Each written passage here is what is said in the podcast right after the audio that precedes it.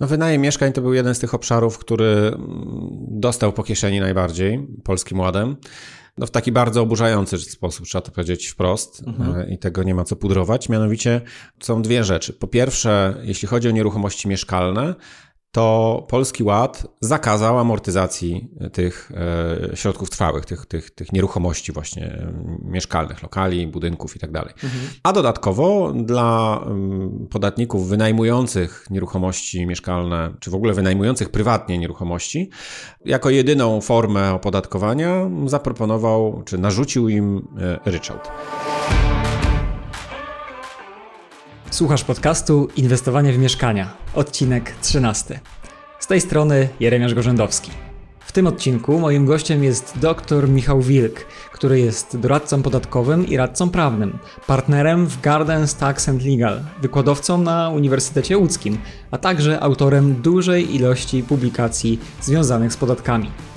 Michał zajmuje się nimi zawodowo od 2008 roku, a od 2020 jest także twórcą Dzień Dobry Podatki, czyli przedsięwzięcia, w ramach którego prowadzi podcast, Akademię Dzień Dobry Podatki, która jest platformą szkoleniową, oraz przygotowuje cotygodniowe newslettery o nowinkach ze świata podatków. W dzisiejszym odcinku porozmawiamy o Polskim Ładzie i jego wpływie na inwestowanie w mieszkania. Już za chwilę zapytam mojego gościa, jak żyć jeśli chodzi o podatki przy flipowaniu i wynajmie. Notatki i wszystkie odcinki tego podcastu znajdziesz zawsze na stronie inwestowaniewmieszkania.pl. Zaczynamy. Cześć Michał. Cześć, witam Cię. Myślę, że dobrze będzie zacząć od takiego rozgrzewkowego pytania i jakbyś mógł powiedzieć naszym słuchaczom, przypomnieć jeszcze raz, czym jest właściwie Polski Ład? E, tak, Polski Ład e, słynny, albo niesławny, różnie można na to patrzeć. E, no taka rewolucja właściwie podatkowa, której jesteśmy świadkami, myślę, cały czas, bo też ciągle radzimy sobie ze skutkami tego, co się stało. Czyli wielka zmiana głównie w podatkach dochodowych w zakresie składki zdrowotnej, ale tak naprawdę obejmująca kilkanaście czy nawet kilkadziesiąt różnych ustaw, nie tylko podatkowych no, która została zrealizowana na przełomie 21 mm, i 22 e, roku. E, no właściwie przeorała zupełnie nasz system podatkowy i e, no jak wiemy, bo myślę, że każdy z tym pojęciem się zetknął, zmieniła zasady pracy, zmieniła zasady głównie prowadzenia działalności gospodarczej w Polsce i była też, trzeba na to tak spojrzeć i popatrzeć, że była też powodem, że wiele osób się w ogóle zainteresowało prawem podatkowym podatkami i tym, co w tych podatkach się dzieje i jaki to ma dla nich e, skutek. Tak jest. Zadałem to pytanie, y, mimo tego, że tak naprawdę jesteśmy już wiele miesięcy, czy ponad rok mhm. od y, opublikowania tego hasła, ale też pojawia się wiele zmian. W lipcu tego roku była informacja, że w ogóle znowu zmieniamy zasady gry, że jest wersja 2.0, może potem 3.0, 4.0, 5.0. Rzeczywiście aż trudno się połapać. Jeżeli ktoś chciałby się dowiedzieć tak naprawdę, na co patrzeć teraz, co obowiązuje w tym momencie, czy gdzie powinien się zwrócić tak naprawdę, gdzie może takich informacji szukać? Nie pytasz, zakładam, czy pytając, zadając pytanie, nie oczekujesz odpowiedzi, że do dziennika ustaw i do ustaw podatkowych, bo w tym momencie to mm, dobrzy doradcy podatkowi mają problem, żeby, żeby to rzeczywiście mhm. wszystko ze sobą zgrać. Tym bardziej, że my musimy patrzeć na to, co jest już e, prawem, co jest uchwalone, ale też na to, co jest e, w planach, co jest w projektach i to wszystko ze sobą synchronizować. Mm, Ministerstwo Finansów na swoich stronach e, publikuje regularnie takie różne zestawienia i poradniki, bym był mimo wszystko trochę ostrożny w analizowaniu swojej sytuacji podatkowej w oparciu o te poradniki. No, doświadczenie uczy, że one są jednak niestety pisane dość tendencyjnie tak, żeby pokazać, że to są hashtag niskie podatki, proste podatki, nie zawsze tak e, jest. No ja ze swojej strony mogę odesłać do swojego podcastu, swojego bloga dzień dobry podatki.pl, gdzie staram się na bieżąco te zmiany komentować i również w ramach takiego nowego projektu Fundamenty podatkowe przedsiębiorców pokazywać, jakie konkretnie, e, jaki konkretny wpływ te zmiany mają na przede wszystkim przedsiębiorców. Natomiast no jest to rzeczywiście wyzwaniem, bo te zmiany dzieją się, tak jak powiedziałeś, cały czas. I ja prowadząc swój podcast, nagrywając kolejne odcinki, zaczynam je zawsze od tego, mm, czy staram się przynajmniej pamiętać o tym, żeby powiedzieć, kiedy one są nagrywane. Mhm. I nie zapomnę rozmowy e, z jednym z gości, z doktor Witą Pustu, kiedy e, nagrywaliśmy ten odcinek któregoś dnia, chyba o 13 i zaznaczyliśmy tam jakoś, przez przypadek nam to wyszło, że nagrywamy o 13 tego dnia, a o 18 została opublikowana jakaś na Twitterze, bo to jest teraz taka platforma Twitter, e, ewentualnie LinkedIn, czy Gazeta Prawna, bądź Rzeczpospolita, taka platforma publikowania informacji, co się zmieni, że wchodzi zaraz jakaś zmiana. Więc e, no, my też może powiedzmy, że nagrywamy to we wrześniu, 5 września 2022 roku i to, co słyszymy, jest aktualne na dziś. Mhm. No dobra, super. To w takim razie idąc od ogółu do szczegółu, my w tym podcaście zajmujemy się inwestowaniem w mieszkania, więc chciałbym zapytać Cię, czego inwestorzy w mieszkania, czy osoby, które y, zaczną inwestować w najbliższym czasie, czego mogą się spodziewać, jeżeli chodzi właśnie o niespodzianki związane z polskim mhm. ładem. No i chciałbym, żebyśmy porozmawiali o takich dwóch obszarach, bo to są najczęstsze obszary, jeżeli chodzi o inwestowanie w nieruchomości. Jeden obszar to są tak zwane flipy, czyli tak. handel mieszkaniami, a drugi obszar to jest wynajem mhm. mieszkań. No i zaczynając może od y, flipów, mhm. od handlu mieszkaniami. Jakie tutaj największe zmiany wprowadził nam już Polski Ład? Czego też jeszcze się spodziewać? Czyli no jeżeli chodzi o fliperów, mhm. na co zwrócić uwagę w Polskim Ładzie?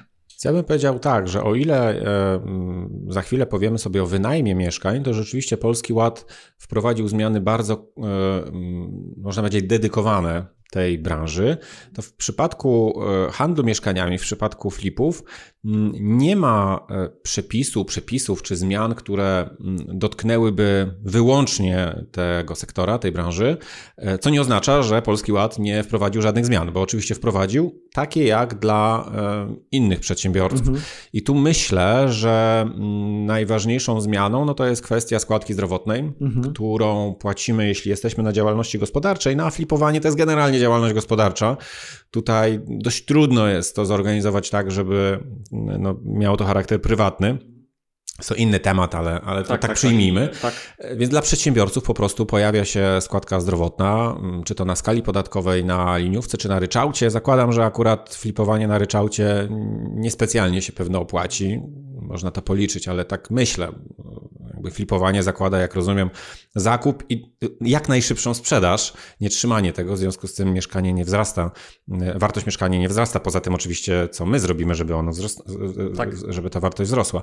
Więc mamy duże koszty, czyli ten ryczałt raczej nie, mimo atrakcyjnej stawki 10%, czyli powiedzmy skala podatkowa i podatek liniowy, no i tam mamy przy skali podatkowej 9%, przy podatku liniowym 4,9% składki zdrowotnej, jakby dodatkowego tak. podatku, bo składka przestała być odliczalna od podatku czyli mamy dodatkowe mm, obciążenie. E, I to jest taka najpoważniejsza zmiana, która no, może mogła sporo biznesplanów naruszyć, bo to zresztą też jest akurat w nieruchomościach bardzo widoczne. No jak no, oburzające momentami jest to, że e, no, nie bierze się pod uwagę tego, że ja sobie coś planuję i no, robisz sam takie e, inwestycje i, i dobrze wiesz, jak to zrobić i, i, i, co zrobić. No i robisz sobie na pewno e, kalkulacje w Excelu. Oczywiście. E, za ile mogę kupić, ile wydać na remont, jak to zrobić, żeby ten remont był dobry, to też znakomicie potrafiłbyś powiedzieć.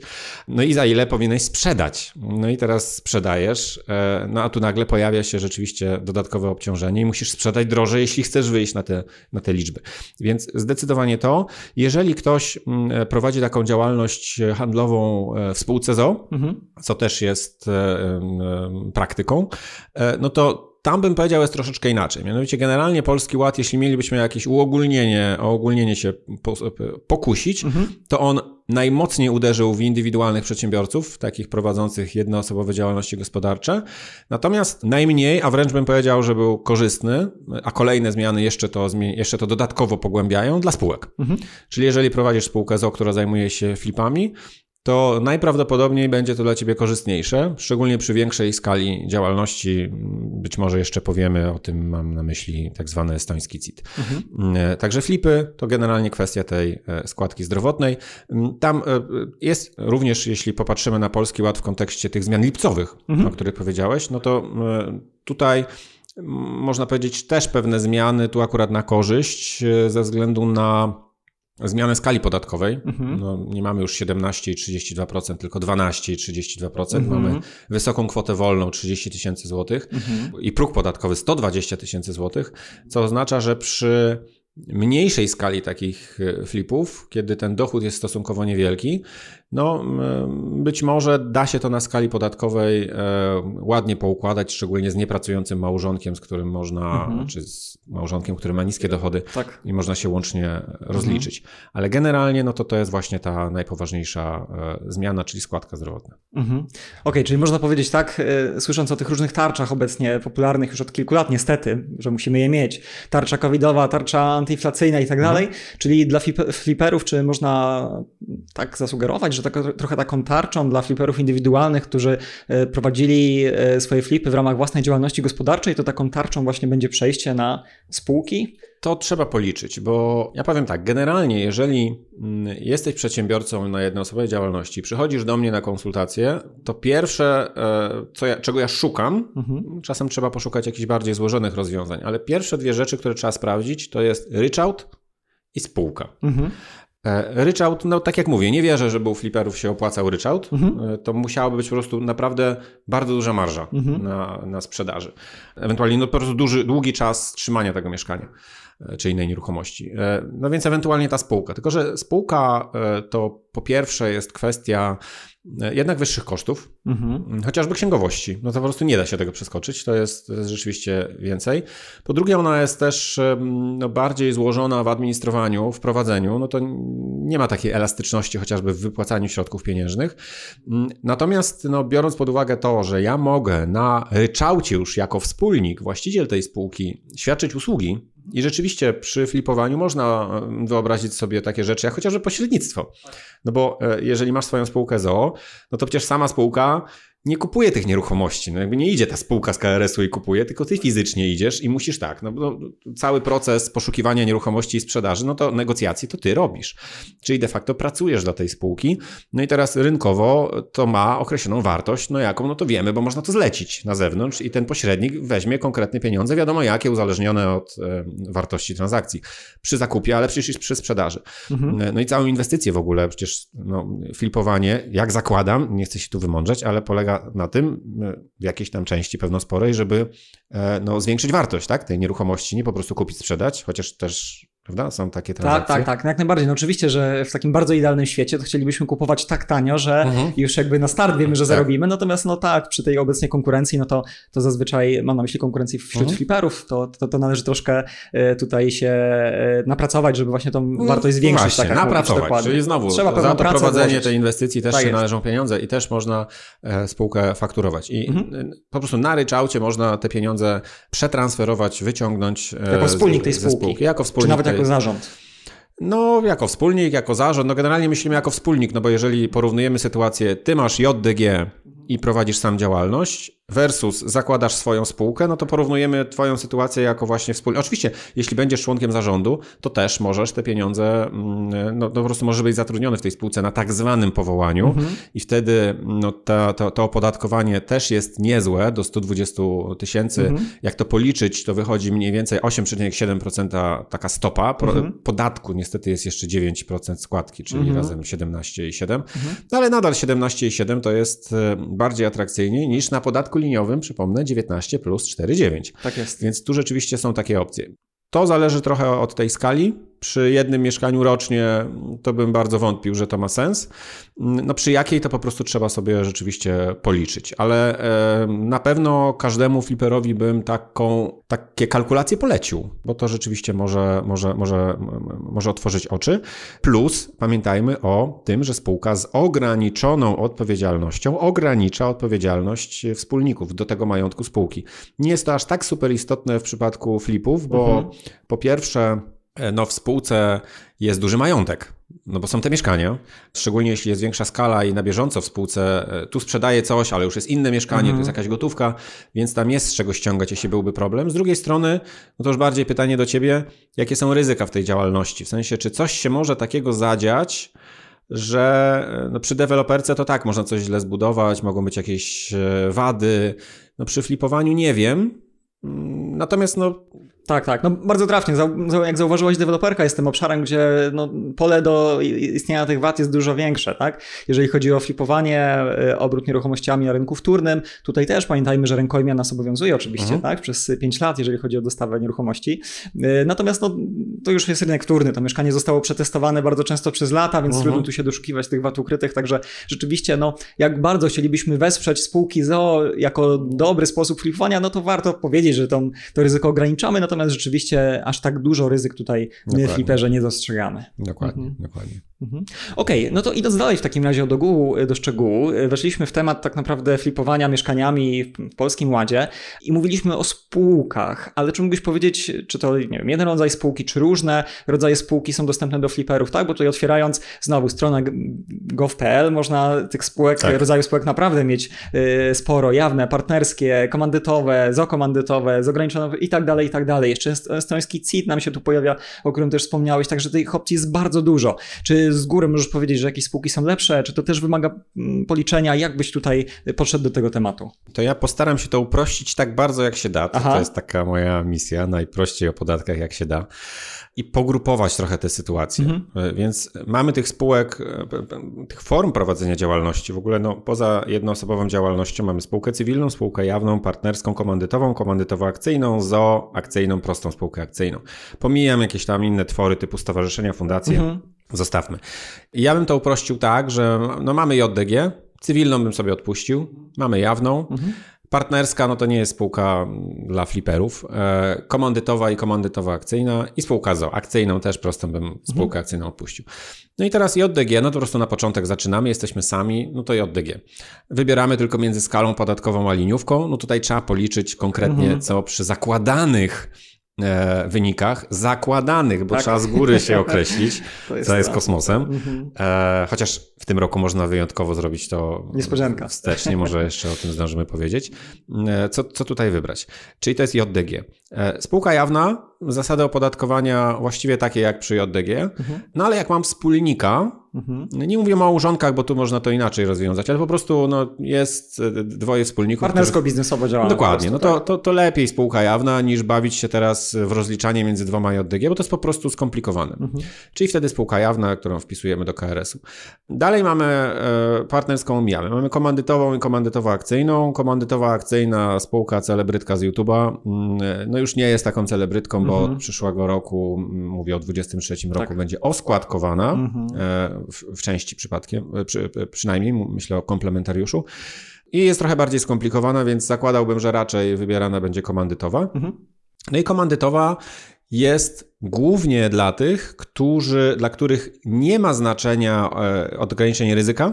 Mhm E, a dla których e, ma znaczenie ograniczenie składki zdrowotnej, tudzież daniny solidarnościowej. Mhm. Ponieważ najprostszym e, sposobem na to jest taka spółka, tak zwana odwrócona spółka komandytowa. Mhm. Przypomnę, mamy dwie grupy wspólników, komplementariuszy, którzy ponoszą pełne, pełną odpowiedzialność za sprawy spółki i komandytariuszy, którzy mają ograniczoną odpowiedzialność. No i teraz myk polega na tym, że spółka komandytowa płaci swój podatek CIT i komandytariusz, jak otrzymuje pieniądze, czy w ogóle wspólnik płaci drugi raz, tak jak mhm. w spółce ale komplementariusz ma ulgę, może odliczyć od swojego podatku podatek CIT spółki. Sprowadza się to, już zostawiając te technikalia tak, tak. na boku, w konsekwencji do tego, że jeśli jestem komplementariuszem spółki komandytowej, to płacę 19 albo tam 17 i bodajże 3,3% mhm. podatku. Składka zdrowotna jest stała, zryczałtowana, 500 kilkadziesiąt złotych miesięcznie i płacę ZUS. Natomiast e, no to wszystko jak złożyć ze sobą, to e, przy troszkę większej skali zakłada niższe opodatkowanie niż w JDG. Czyli to byłaby taka opcja przejścia z JDG, ucieknięcia, od składki zdrowotnej i daniny solidarnościowej, której się nie płaci e, mhm. w spółce komandytowej. No i wreszcie spółka ZO. Spółka ZO, która jest już podwójnie opodatkowana, jest mimo wszystko, wydaje mi się, prostsza niż spółka komandytowa. Nie ma takiej wielopiętrowej struktury i jest też trochę lepiej rozpoznana. Księgowość też pełna, więc też podobne koszty. No i przy spółce ZO, no to już jest ten e, schemat taki, e, o którym powiedzieliśmy, czyli mhm. fakturowania spółki. Więc spółka ZO opłaci się też przy troszeczkę większej e, skali, no nadaje to, e, to zabezpieczenie, więc no wybierałbym pomiędzy właśnie spółką komandytową a jednoosobową działalnością. Chyba, że mam wspólnika, to jeszcze ewentualnie ta spółka jawna. Mhm. Tak, no rzeczywiście obserwuję sporo fliperów, którzy najczęściej e, właśnie w ramach tych trzech form flipują. W ostatnich latach właśnie spółka komandytowa stała się mocno popularna ze względu na tą składkę zdrowotną, o której powiedziałeś, mhm. że nie jest po prostu zależna od tych dochodów, mhm. tylko, tylko jest stała, więc myślę, że to jest fajne. Natomiast jest tu jeszcze jedno takie hasło akurat przy spółce z ograniczoną odpowiedzialnością, które dość często w ostatnim czasie się pojawiało. Jakbyś mógł kilka słów na ten temat powiedzieć. Mianowicie chodzi o estoński CIT. Y, czy tutaj właśnie dla fliperów może to być sposób na jakąś optymalizację, czy po prostu zmniejszenie podatku, jeżeli chodzi o flipowanie mieszkaniami? To ty mi odpowiesz na to pytanie, y, jeśli tak mogę y, zrobić taki twist, bo aż tak nie znam branży, jak, jak, jak ty ją znasz na wylot, mhm. bo estoński CIT jest rzeczywiście, to, to jest raj podatkowy. To, to faktycznie jest on nie jest taki prosty, wymaga dobrego przygotowania, mm, e, natomiast no jeśli się to dobrze zrobi, to jest faktycznie no, niemalże raj podatkowy, nawet e, dla tych, którzy zysk w całości spółki wypłacają, bo przypomnę, estoński CIT polega na tym, że spółka nie płaci w ogóle, e, w ogóle podatku swojego, mm -hmm. jeśli zyski zatrzymuje w mm -hmm. spółce. Ale nawet jeżeli ja je wypłacam w 100%, to podatek i tak jest niższy niż w zwykłej mm, spółce ZO. Trzeba tylko spełnić określone warunki. Mm, do niedawna tych warunków było tak dużo, że weszło na estoński CIT w roku wprowadzenia w 2021 roku kilkaset spółek w całej Polsce. E, one zostały polskim ładem bardzo złagodzone, dlatego powiedziałem, że polski ład dla okay. spółek to był plus, e, ale został warunek podstawowy trzech pracowników, troje pracowników. No i teraz pytanie, czy fliperzy standardowo mają przynajmniej trzech pracowników? Wydaje mi się, że nie. Prawda? No właśnie, tak. No więc tutaj. Nie mówimy o udziałowcach, tak, właścicielach. Tak, dokładnie. Tak Mówiłeś jakby tylko warunki, ale oczywiście to tylko było z przekąsem, bo, no bo właśnie tutaj diabeł tkwi w szczegółach, tak? Czyli bardzo e, trendy hasło. Natomiast no, te wymogi związane między innymi, czy głównie z zatrudnieniem, były dość e, powiedzmy trudne do spełnienia. Tutaj oczywiście, że no, jako polski naród możemy słyszeć o wielu ciekawych pomysłach na temat tego, jak tutaj rzeczywiście zatrudnić, żeby było jak najtaniej, żeby to były osoby, które gdzieś tam indziej pracują. Natomiast no tak, żeby realnie rzeczywiście móc skorzystać, no to firma, która miałaby zatrudniać kilka osób, y, musiałaby mieć na przykład własnych wykonawców, tak? Czyli mhm. to byłyby osoby, które powiedzmy remontują dla nas te mieszkania i rzeczywiście realnie zatrudniamy te osoby. Natomiast no to właśnie zawęża nam już, nam już dość mocno y, tych fliperów, y, ponieważ no prowadzenie firmy remontowej to tak naprawdę jest zupełnie inna bajka od prowadzenia firmy, która flipuje, która handluje mieszkaniami, wymaga zupełnie innych kompetencji, innej wiedzy. Także no, z mojej perspektywy, czy z perspektywy flipera, E, spełnienie tych wymogów spółki e, estońskiej jest bardzo trudne, aczkolwiek, no tak jak powiedziałeś, e, potencjalnie no, jest to raj podatkowy, tak, więc no, można byłoby do tego dążyć, natomiast no, rzeczywiście no, trzeba byłoby się zastanowić, czy w naszej indywidualnej sytuacji jesteśmy w stanie realnie rzeczywiście przy tym trwać, no bo to też jest czas, prawda? To nie jest tak, że przez miesiąc, dwa, trzy to zatrudnienie mhm. jest realizowane, tylko no, no tak, to jest to czas. długoterminowe. Nie? Tak, no nie mamy zatrudnienia, po prostu wypadamy z tego tak, tak. reżimu. Natomiast zwracam uwagę, że no, pytanie oczywiście, jaka jest skala działalności, bo zakładam, że przy mniejszej skali, no to po prostu takie flipowanie jest sposobem na utrzymanie rodziny. I wtedy te pieniądze i tak są wypłacane, ale jeżeli nie są wypłacane w formie dywidendy, tylko są wypłacane no, w formie właśnie usług, na przykład, które ta osoba, właściciel świadczy, no to może się okazać, że rzeczywiście ten zysk nie jest wypłacany albo tego zysku nie ma i tak. faktycznie tak. ten podatek tam się w ogóle nie pojawi. Natomiast pewno przy większej skali zakładam, że nadwyżki, e, poza to, co jest mi potrzebne do przeżycia czy do życia, e, są inwestowane dalej w kolejne mhm. nieruchomości, tak. więc one zostają w spółce, czyli po prostu no to już jest efekt procentu składanego, no bo ten, ten, te, te procenty podatku, które bym zapłacił od sprzedaży, no to po prostu ich nie ma. Mhm. I, I te pieniądze konkretne bardzo mogę zaoszczędzić i przeznaczyć na kolejne inwestycje. Mhm. Michał, mówiłeś, że y, w pewnych sytuacjach przedsiębiorca może sam policzyć y, swoje rzeczy na kalkulatorach, ale skąd taki kalkulator wziąć? Tak, no właśnie. Ja mm, wychodząc trochę naprzeciw tym, tym potrzebom, e, stworzyłem coś takiego jak e, kalkulator podatkowy przedsiębiorcy. E, i udostępniam go nieodpłatnie e, członkom mojej społeczności e, zapisanym na newsletter. Natomiast też przedsiębiorcy mówili, że troszeczkę mało, no bo to jest jak skomplikowana rzecz, skomplikowane narzędzie, więc ja postanowiłem uzupełnić to serią artykułów, które opisuje po prostu te optymalne formy opodatkowania i mówię o tym, jak na kalkulatorze to policzyć. Można się zapisać na ten bezpłatny mailing pod adresem fundamenty.dzieńdobrypodatki.pl No i mam nadzieję, że to części przynajmniej pomoże odnaleźć się w tej nowej rzeczywistości. Mhm. Super. Oczywiście w notatkach do tego odcinka adres jeszcze raz zapiszemy, gdzie można pobrać kalkulator, gdzie można zapisać się na e, tą listę artykułów, więc jeżeli kogoś to interesuje, to Michał zaprasza i my również. No dobrze, myślę, że zamknęliśmy y, ten cały dział związany z handlem mieszkaniami. Oczywiście zamknęliśmy, zamknęliśmy na potrzeby tego podcastu, bo to są takie tematy, że czasami dwudniowe szkolenia mogłoby Dokładnie. nie wystarczyć, żeby przeanalizować własną sytuację, żeby wybrać tą ścieżkę. Tutaj y, myślę, że bardzo dobrze, że zwróciliśmy uwagę na pewne elementy, pewne aspekty, gdzie tutaj nasi słuchacze są w stanie teraz dowiedzieć się więcej, tak? Pójść y, w tą stronę, żeby przeanalizować własną sytuację, skorzystać z jakichś kalkulatorów, które po prostu będą w stanie im podpowiedzieć dalej. Mhm. Natomiast przejdźmy teraz do drugiego ważnego obszaru dla inwestor, inwestorów w nieruchomości, czyli do wynajmu mieszkań. Mhm. Jakie tutaj e, niespodzianki, czy miłe, czy niemiłe, przyszykował i planuje dla nas nowy polski ład, jeżeli chodzi właśnie o wynajem mieszkań. No, wynajem mieszkań to był jeden z tych obszarów, który mm, dostał po kieszeni najbardziej polskim ładem no w taki bardzo oburzający sposób, trzeba to powiedzieć wprost mhm. E, i tego nie ma co pudrować. Mianowicie są dwie rzeczy. Po pierwsze, jeśli chodzi o nieruchomości mieszkalne, to Polski Ład zakazał amortyzacji tych e, środków trwałych, tych, tych, tych nieruchomości właśnie e, mieszkalnych, lokali, budynków i tak. Mhm. A dodatkowo dla mm, podatników wynajmujących nieruchomości mieszkalne, czy w ogóle wynajmujących prywatnie nieruchomości, jako jedyną formę opodatkowania zaproponował, czy narzucił im e, ryczałt po różnego rodzaju naciskach, na zasadzie, no przecież jak to się ma do praw mhm. nabytych, no myśmy to kupili wcześniej i tak dalej. No dla osób, które nabyły nieruchomości do wejścia Polskiego Ładu, czyli do 1 stycznia 2022 roku, odsunięto no, ten miecz e, do 1 stycznia 2023 roku, mhm. czyli to jest jeszcze przed nami co daje jakieś tam drobne możliwości przygotowania się, zrobienia jakiegoś remontu i tak dalej. No ale de facto i tak za chwilę się z tym e, zmierzymy. Więc e, poza tym oczywiście, e, no patrz punkt wyżej, czyli składka zdrowotna, to wszystko o czym mówiliśmy.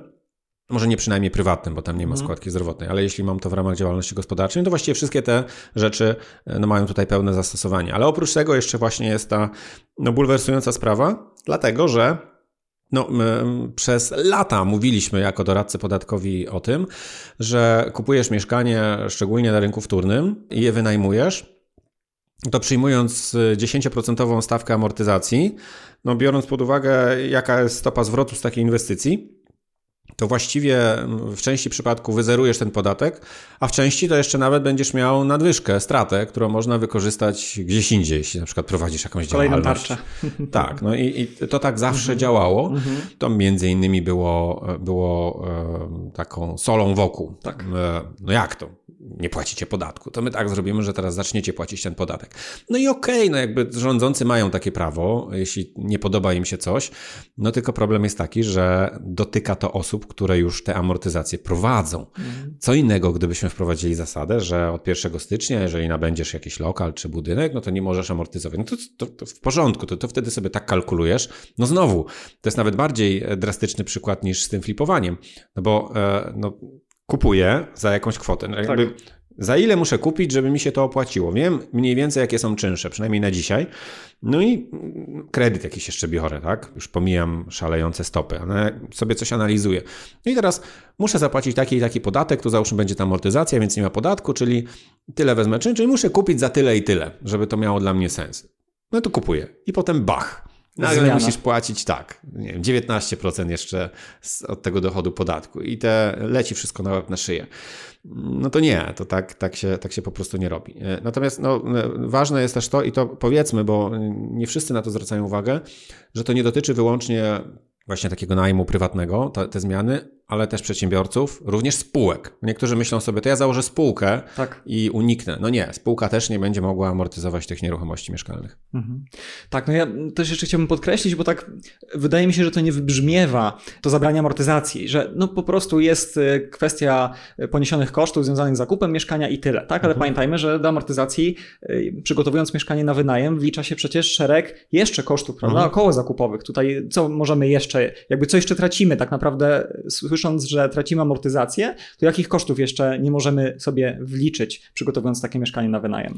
No, taki najważniejszy, znaczy, i to też będzie teraz um, na pewno takim obszarem spornym, to kwestia remontów. Mhm.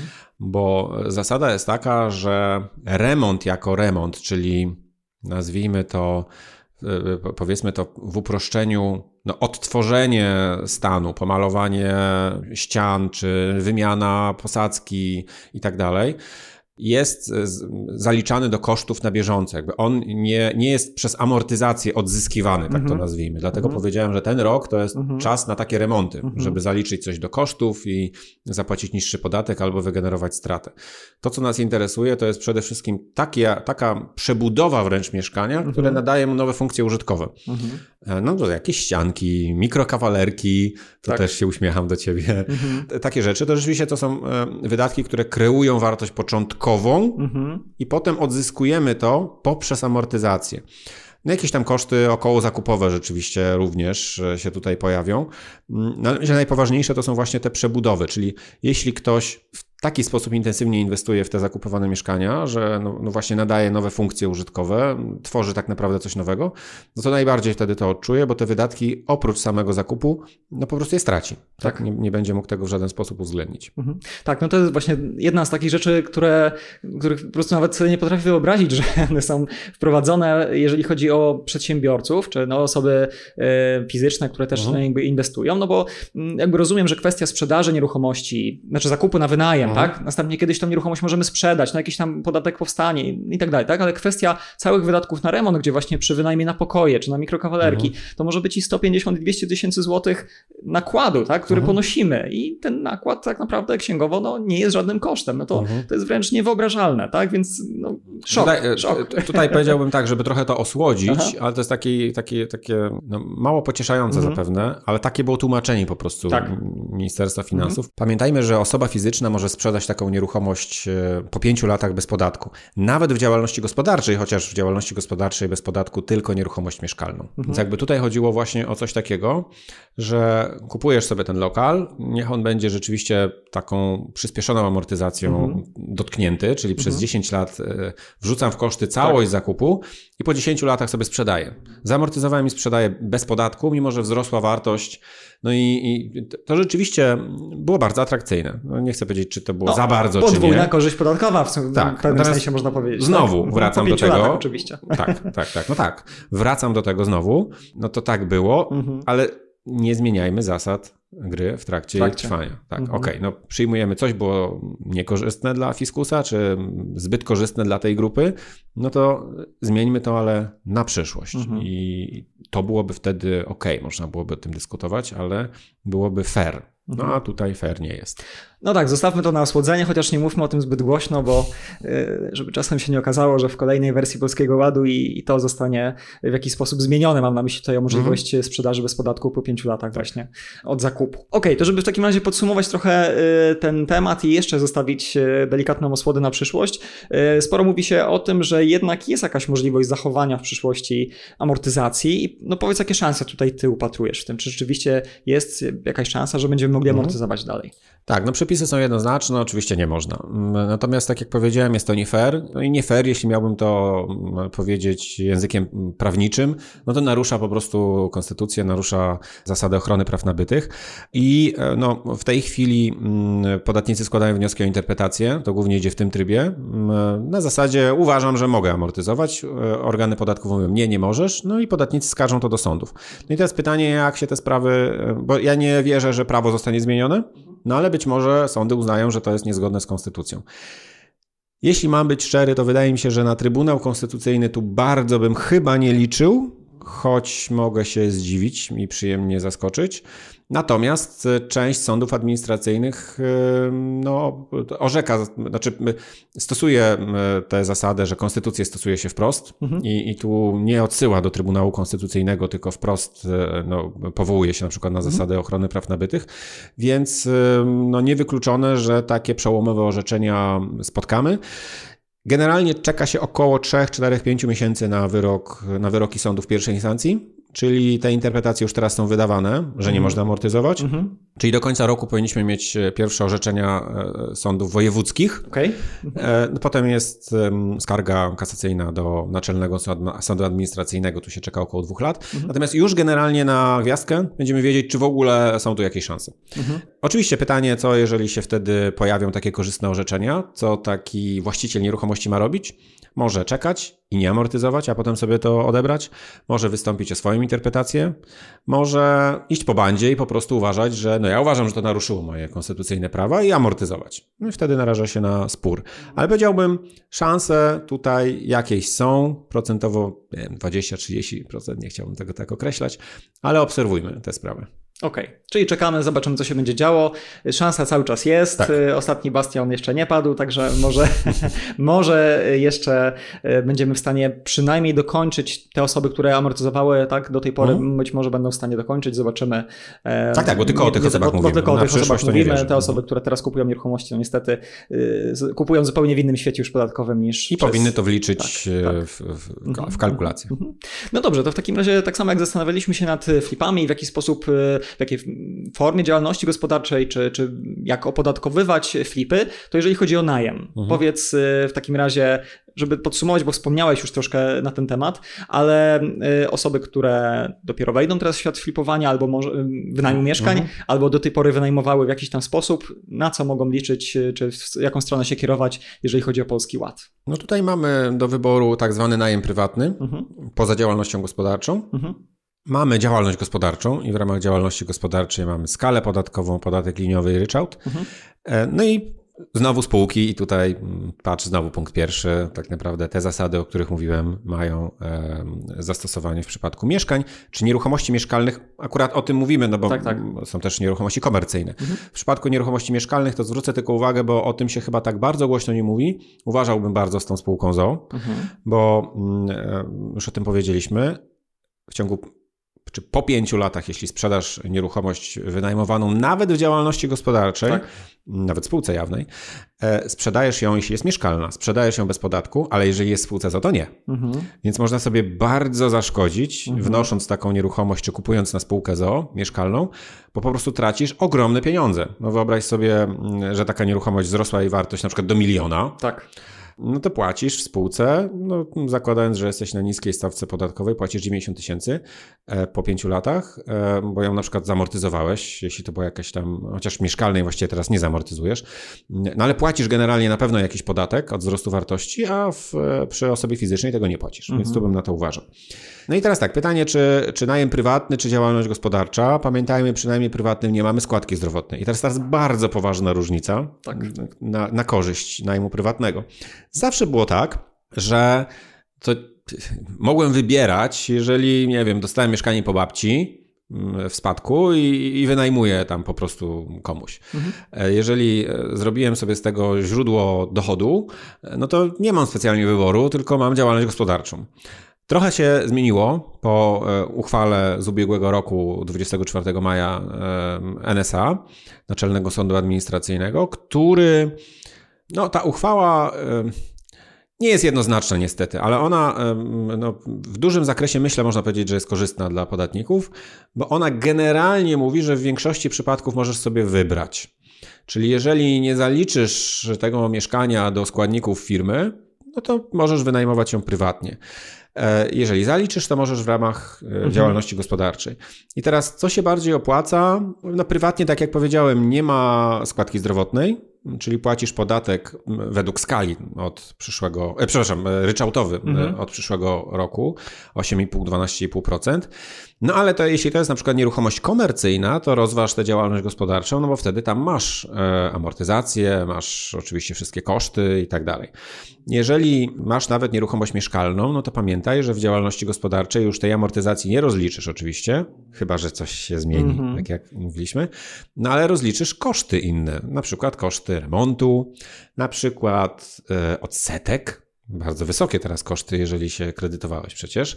Zaliczysz to do kosztów uzyskania przychodów, więc może się okazać, że ten podatek e, na działalności gospodarczej, na przykład na skali podatkowej, od dochodu e, będzie niższy niż podatek ryczałtowy w najmie prywatnym, więc tu tej działalności bym nie wykluczał. Natomiast tylko zwrócę uwagę na to, bo też się mówi o tym, że właśnie podatnik to może sobie wybrać. Generalnie tak, ale jeżeli ta moja e, działalność na rynku wynajmu przybrała już takie rozmiary, że to właściwie jest przedsiębiorstwo, mhm. czyli mam w ogóle cały zespół, a nie daj Boże, jeszcze mam pracowników, którzy pomagają w tej działalności, to ja już bym się zastanowił, czy można powiedzieć, że jakby no poza tą działalnością są te nieruchomości i nie zaliczam ich do, jako składniki tej mojej firmy, skoro ta moja firma już de facto, mm, kilkuosobowy zespół cały, zajmuje się wynajmem nieruchomości. Więc tu bym uważał, to znaczy w typowej sytuacji, mm, i tu nie, nie, nie, nie jest ważna liczba tych mieszkań, tylko właśnie to, jak ja działam. Jeżeli mhm. działam po prostu samodzielnie, no oczywiście mam jakąś tam ekipę, która mnie fakturuje, tak? E, mam jakiegoś pośrednika, który mi pomaga sprzedać. No w tym sensie zespół to nie, ale jeżeli mam u siebie na pokładzie osoby, mm, e, no to wtedy bym się już zastanawiał, czy w ogóle można mówić o tym, że to jest działalność prywatna. W typowym, w typowej sytuacji przy mniejszej skali rzeczywiście mogę sobie wybrać między tą, e, tym najmem prywatnym, a e, działalnością gospodarczą. Mhm. Okej, okay, czyli wtedy zakładam spółkę, zatrudniam te osoby w spółce, żeby nie były w mojej działalności gospodarczej, już nie prowadzę tego swojego przedsięwzięcia w ramach działalności gospodarczej, spokojnie mogę ten najem prywatny realizować. No to pytanie, no pytanie, no bo wtedy mam, mam, mam prywatnie te nieruchomości, ok, no i jest ta spółka, która właściwie zajmuje się czym? E, ta spółka ode mnie wynajmuje, jak rozumiem, te mieszkania, no bo... Mm, Niekoniecznie wynajmuje, tylko zajmuje się obsługą realizuje całego obsługę. projektu. Tak, tak, tak, tak. No być może dałoby się to poukładać w ten sposób. Pytanie, czy będzie to opłacalne? E, to trzeba by wszystko zestawić, policzyć, szczególnie te koszty. No ta, ta spółka będzie E, realizo musi realizować na zasadach rynkowych też jakieś e, mhm. swoje zyski, które będą podwójnie opodatkowane. Ja znowu mogę pracować do tej, dla tej spółki. Nie, nie ćwiczyłem i nie liczyłem takiej konstrukcji, jakby to działało, ale rzeczywiście no, na pierwszy rzut oka jest to możliwe. No, pytanie tylko, czy e, warte zachodu, w tym sensie, że no, oszczędzamy tę te, te, te, te, składkę zdrowotną. Natomiast no, o tyle miałoby to sens, że realizuje taką podstawową zasadę, czyli jeżeli ja mam jakąkolwiek firmę w ramach spółki, w formie spółki, to to jest spółka z ograniczoną odpowiedzialnością, ogranicza odpowiedzialność wspólnika i majątku wspólnika. W związku z tym majątek cały powinien być u wspólnika. Więc ładowanie nieruchomości do spółki zawsze jest e, zaprzeczeniem jakby tej idei spółki ZO. To przy flipach o tym e, mówiliśmy. Mhm. Więc e, jeżeli da się wyoutsourcować cały proces obsługi takiego najmu do swojej spółki, a samą nieruchomość posiadać w spółkach, w, w, majątku prywatnym, no to być może miałoby to sens. Mhm. Oczywiście pytam hipotetycznie, bo tak naprawdę mówimy o nowej rzeczywistości, w której znajdziemy się no już tak e, od A do Z w 2023 mhm. roku, także będziemy wtedy e, szukać. Natomiast też to, co ciekawe, to podejście e, większości inwestorów, bo tutaj zwróciłeś na ciekawą rzecz uwagę, jeżeli chodzi o tą uchwałę właśnie NSA. Większość osób jednoznacznie tą uchwałę interpretowało w ten sposób, że podatnik po prostu wybiera, mhm. w jaki sposób będzie opodatkowywał najem, czy prywatnie, czy, czy przez działalność gospodarczą. E, myślę, że fajnie, że zwróciłeś tutaj uwagę na to, że no, jednak jest tutaj pewne pole do dalszych interpretacji, trzeba mhm. z tym uważać i, i nie ma co tak hura optymistycznie e, do tego podchodzić.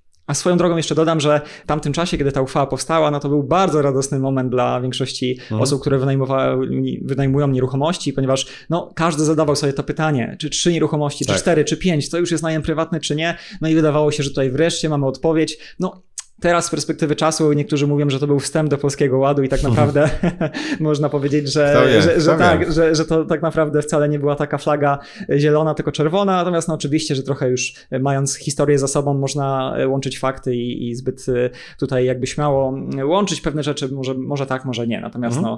no y, tak to rzeczywiście wyglądało. Na koniec, jeżeli chodzi o wynajem mieszkań, chcę jeszcze zadać jedno pytanie tutaj dla naszych słuchaczy, ponieważ właśnie no, zmieniają nam się te przepisy, kolejne elementy Polskiego Ładu wchodzą w życie 2023 rok, e, tak jak większość kalkulacji inwestorzy pokazują, no to będą przechodzić na ten najem prywatny. Powiedz, jakie zasady, czy one się zmieniają, czy też nie, e, albo jakie są obecnie, związane są e, właśnie ze zgłoszeniem do Urzędu Skarbowego sposobu wynajmu mieszkań, czyli ktoś wynajmował i rozliczał w ramach działalności gospodarczej, ktoś w ramach najmu prywatnego, ale jeszcze wcześniej zasad ogólnych, na przykład kiedy to jeszcze było możliwe. Jakie tutaj powinności ciążą na podatniku, jeżeli chodzi właśnie o przejście, zmianę sposobu rozliczenia rozliczania najmu? Hmm, no znowu spróbujmy najprościej jak się da. Bo to zwróćmy uwagę, że są dwie rzeczy. Jedna rzecz jest taka, że jeżeli mam działalność gospodarczą i mogę, to mogę opodatkować się w tych trzech formach. Skala, podatek liniowy, ryczałt i tu generalnie wybór, wyboru dokonuje się w praktyce do 20 lutego, w teorii do 20 dnia następującego po dniu osiągnięciu pierwszego dochodu, czyli no przynajmniej akurat pewno w styczniu jakiś dochód osiągnę, więc dlatego mówię w praktyce to będzie ten 20 lutego. Mhm. Czyli jeżeli jestem na przykład na ryczałcie, no to mógłbym na skalę podatkową przejść sobie do 20 lutego albo zmienić na podatek liniowy w działalności gospodarczej. Między tymi tak. trzema, e, mhm. trzema formami sobie mogę e, wędrować. To jest punkt pierwszy. Punkt drugi jest taki, że w tym roku, ponieważ w lipcu, o czym już wspomniałeś, znowu Polski Ład się zmienił, mhm. bo to nie była pierwsza zmiana, żeby nie było. Pierwsze zmiany to były jeszcze zanim on wszedł w życie. Mhm. Czyli w grudniu były pierwsze zmiany. Mm, dwie.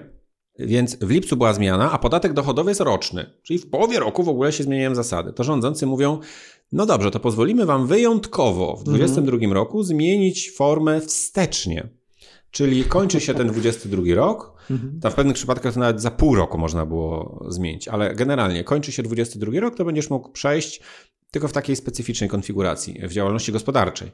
E, z liniówki na skalę albo z ryczałtu na skalę. I to będzie można zrobić składając po prostu odpowiednie zeznanie PIT-36 zamiast na przykład PIT-28, czyli z ryczałtu przechodzę wtedy na skalę za 20. Składając odpowiednie rok. zeznanie po tak, prostu. Tak, PIT. Mhm. żeby nie złożyć tego drugiego, bo złożenie mhm. tego drugiego automatycznie przekreśla przejście na skalę.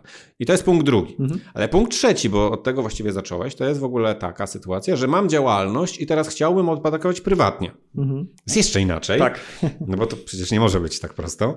No to tu właściwie bym powiedział, że mm, no nie ma żadnych limitów czasowych i żadnych terminów. No bo zobacz, masz załóżmy działalność gospodarczą i masz tam, no już upraszczając, jedno mieszkanie w tej tak. działalności. Okej. Okay. I teraz chciałbyś je prywatnie wynajmować. To co powinieneś zrobić? No to powinieneś je tak jakby przenieść do majątku prywatnego. W cudzysłowie przenieść, mhm. bo to i to jest cywilnoprawnie twoim majątkiem, nie ma tu żadnych notariuszy, takiej historii. No, ja bym po prostu taki papierek wystosował, nie, protokół przeniesienia mieszkania do majątku prywatnego. Niespecjalnie potrzebny, no ale żeby było no tak. z, z daną datą. Mhm. No i na przykład 5 września sobie to robię. Mhm. I 5 września nie jest to w mojej firmie. Tam było jedno mieszkanie, to pewno zamykam tę firmę albo ją zawieszam, mhm. żeby nie płacić. Jeśli mam jakiś sklep, to sobie tam dalej prowadzę. I teraz to jest w moim majątku prywatnym. No i jest w majątku prywatnym, w związku z tym ja to e, no, opodatkowuję no właśnie, jest to już mój najem prywatny od mhm. tego momentu. Tu nie ma żadnego specjalnego zgłoszenia. Mm, no, płacę na zasadach e, ogólnych, mhm. chyba że wybiorę ryczałt. E, teraz jeszcze mogę wybrać, no bo od 1 stycznia no to w ogóle takiego ryczałtu nie będzie. Czyli jeżeli mówimy o tym, że na E, przepraszam, nie będzie skali podatkowej, tylko mhm. będzie, będzie tak. ryczałt. E, więc jeżeli mówimy o tych przedsiębiorcach, którzy na przykład po 1 stycznia zdecydują się wyprowadzić nieruchomość z firmy, no to po prostu wyprowadzają w którymś momencie i wtedy wchodzą w ryczałt e, prywatny. Mhm. Tu Zaczynają go po prostu płacić zaliczki na, na, na ten podatek dokładnie. i tyle, tak? Czyli tutaj powiadomień Urzędu Skarbowego żadnych nie trzeba dokonywać, tylko nie. po prostu. No to tak, na takiej samej zasadzie, jakbym no, kupił właśnie w lutym sobie mieszkanie. No to zaczynam je wynajmować, to płacę podatek mhm. ryczałtowy. Mhm. Chyba, że tutaj dopowiedzmy, bo dalszą optymalizacją może być jeszcze rozliczanie przez jednego ze współmałżonków, jeżeli mamy e, we wspólności majątkowej, no prawda? Tak, tak ale to już e, oczywiście. można iść dalej, dalej, to są, dalej. To są kolejne oświadczenia, które można składać, czy rozliczanie tego kwartalnie na przykład. E, tak. No, ale to już mhm. tak jak zawsze to funkcjonowało. Za chwilę zapytam mojego rozmówcę, w jakiej sytuacji warto zgłosić się do doradcy podatkowego oraz jakie jeszcze zmiany czekają nas w 2023 roku, jeśli chodzi o Polski Ład i inwestowanie w mieszkania. Ale zanim to nastąpi, zapraszam Cię już teraz do wejścia na stronę z kalkulatorem podatkowym dla przedsiębiorców, który został przygotowany przez Michała wraz z serią artykułów, dzięki którym można poszerzyć swoją wiedzę na temat podatków. Zapraszam na stronę fundamenty.dzieńdobrypodatki.pl, gdzie można zapisać się na newsletter i pobrać kalkulator. Oczywiście link do tej strony znajdziesz także w notatkach do tego odcinka na stronie inwestowaniewmieszkania.pl. No i właśnie, i tym trochę wywołałem taki temat yy, związany Twoim zdaniem, przy jakiej skali warto już zacząć korzystać z porad doradcy podatkowego. W którym momencie warto skorzystać i tak naprawdę czego można dowiedzieć się od doradcy podatkowego? Czy to jedno mieszkanie to już jest sens iść, czy dopiero od pięciu mieszkań, czy od dziesięciu, hmm. a może to od czegoś jeszcze innego zależy? W którym momencie warto optymalizować? Myślę, że to zależy od dwóch czynników. To znaczy ta skala to na pewno, no bo im większa skala, tym e, no chociażby no, o większych kwotach mówimy i po prostu mam większy budżet na takie doradztwo, no to myślę, że przekłada się to również na każdego innego e, doradcę czy podwykonawcę, na budżet na szkolenia, na cokolwiek. Tak? No to mhm. po prostu im więcej, tym, tym bardziej jest to no, przekładalne na wyniki. Natomiast inna rzecz jest taka, że mm, jeżeli moja sytuacja jest też mniej typowa, no to wtedy warto, czy, czy jakby, jeśli mam więcej możliwości, chociażby, mm, no nie wiem, mam jakąś inną działalność gospodarczą i pytanie, w jaki sposób można pożenić jedno i drugie, żeby tu na przykład wygenerować jakąś stratę. W sytuacji, w której no, ta skala uzasadnia też, e, no tych nieruchomości rzeczywiście jest więcej i uzasadnia na przykład w ogóle myślenie o, o spółce, no, no, bo to jest jeden z tych, z tych sposobów. No tu liczbowo trudno mi to rzeczywiście e, mhm. wyliczyć e, w ten sposób. Jeśli wchodził Polski Ład, to generalnie mówiliśmy o tym, że każdy przedsiębiorca powinien w jakiś sposób ustalić tę optymalną formę. I zresztą ja myślę tak o tym do dziś, że każdy przedsiębiorca powinien mieć taką możliwość, żeby e, z kimś skonsultować e, optymalną formę rozliczeń i ułożenia tego, tego swojego biznesu i to już absolutnie niezależnie od skali. Bo nawet przy e, niewielkiej skali działalności może okazać się, że na przykład skala podatkowa będzie dla mnie korzystniejsza niż podatek liniowy czy ryczałt. I myślę także o wynajmie bo na przykład mój małżonek, nie wiem, niewiele zarabia albo nie zarabia, a ja mam w ogóle trójkę dzieci i ulga prorodzinna mi bardzo dużo da korzyści podatkowych.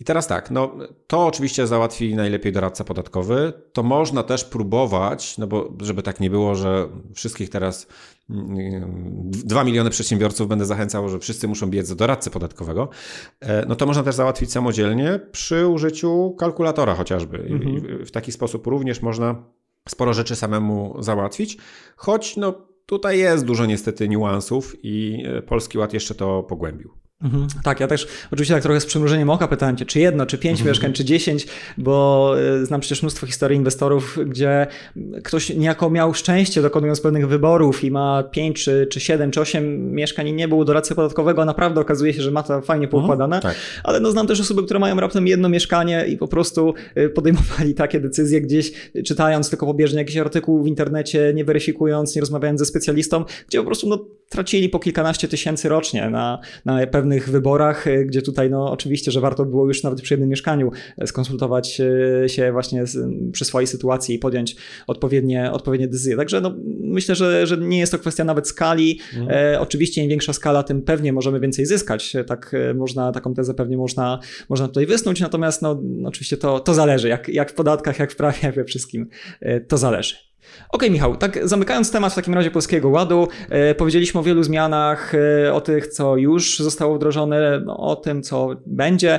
E, natomiast, czy podsumowując trochę jeszcze, mówiąc o tym, co będzie, czy jeszcze masz tutaj jakieś informacje dla nas, co Polski Ład przyniesie w 2023 roku, o czym jeszcze nie mówiliśmy? No z takich konkretów, bo wspomina się gdzieś tam o tak zwanym podatku od pustostanów, ale no na, na ten moment jest to raczej w kwestii ciekawostek medialnych. Mhm. E, nie, nie słyszy się, żeby tu jakieś prace były prowadzone intensywne. No to jeśli chodzi o konkrety, to są zmiany w podatku dochodowym od osób prawnych, czyli w CIT-ie, który dotknie spółek ZO, czy mhm. komandytowych. Mhm. No i tutaj tylko tak, e, tych zmian jest sporo, ale to tylko nakreślę bardzo szybciutko dwie. E, likwidacja tak zwanej ukrytej dywidendy, e, czyli przepisów, które wyłączały z kosztów określone świadczenia na rzecz wspólników, czy wynagrodzenie za świadczenia, które wykonywali wspólnicy, więc już no, mówiliśmy o takich e, strukturach, więc to miałoby duże znaczenie dla prowadzenia jakiegokolwiek biznesu w formie spółki. Więc tego nie będzie. Miało być, ale nie będzie. Mhm. I dość istotna zmiana też dla, e, tu myślę bardziej nawet dla fliperów, ale myślę, że jeśli ktoś wynajmuje w formie spółki ZO, to również. No jak e, masz inwestycję nieruchomościową, ona jest kapitałochłonna bardzo. Mhm. No nawet kredytem, jak się wspomagasz, to musisz mieć ten wkład własny, więc ta spółka musi mieć ten, ten, ten, ten jakiś kapitał. Tak. No więc no, można go wnieść do spółki, ale lepiej jest pożyczyć, żeby potem spółka ci oddała bez podatku. Jasne. E, no ale od tego są odsetki. Mhm. No i mm, do tej pory, czy właściwie do tej pory, no, to się też zmieniało. Po Polskim Ładzie było tak, że jeśli to zadłużenie spółki było dość duże, przekraczało tam 30% zysku spółki w danym roku, mhm. to nie było kosztem.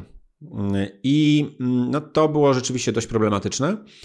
Już nie chcę wchodzić tu w szczegóły tego i, i, dlaczego tak było. No, generalnie błąd. Błąd Ministerstwa Finansów, który teraz jest naprawiany. Okay. I w tej chwili mm, no, dopiero jak przekroczysz 3 e, miliony takiego, takiego zadłużenia odsetkowego, mhm.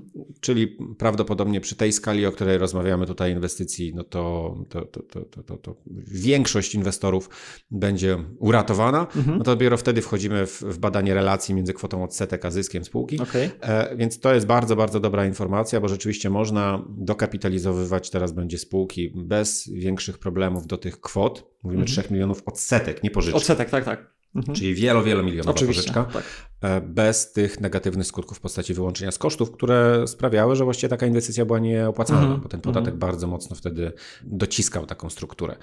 Jest jeszcze kilka innych zmian, ale one już mają mniejsze znaczenie. No to przede wszystkim w podatku dochodowym od osób fizycznych na razie nie planuje się żadnych zmian. No miejmy nadzieję, że już to, co było w lipcu, to po prostu tak. wyczerpało na najbliższe kilka miesięcy chociaż Oby. zapały. Podobno jakieś będą zmiany w składce zdrowotnej jesienią, ale raczej takie bardziej techniczne. Rozumiem. No dobrze, Michał, cóż, mam wrażenie, że jesteśmy po wielu, wielu tematach. Y, jedno jest pewne, ty jako doradca podatkowy myślę, że nie będziesz się nudził przez kolejne miesiące. Y, to, to na szczęście. Powiedziałbym, niestety przedsiębiorcy czy inwestorzy też się nie będą nudzili, no bo tych zmian tak. rzeczywiście jest dużo i trzeba będzie y, przede wszystkim no, przywyknąć do tego, nauczyć się tego od nowa, no ale też w jakiś sposób dostosować już istniejące inwestycje, bo to, co powiedziałeś, myślę, że największy ból jest taki, że, że zmieniają się zasady gry dla tych inwestycji, mhm. które po prostu trwają, które od lat były właśnie przeliczone no, w takim otoczeniu biznesowym, a nie innym. No a teraz po prostu wszystko się zmienia. Michał, bardzo dziękuję Ci za rozmowę. Dzięki. Mam nadzieję, że to nie nasza ostatnia rozmowa. Kolejne zmiany, pewnie podatkowe, będą sprawiały, że może w przyszłości znowu będzie okazja do porozmawiania o obecnej sytuacji. Dzięki wielkie. Cześć. Cześć.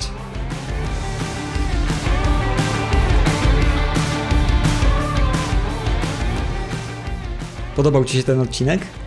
Jeśli tak, podziel się nim proszę w swoich mediach społecznościowych. Do usłyszenia w kolejnych odcinkach. Cześć!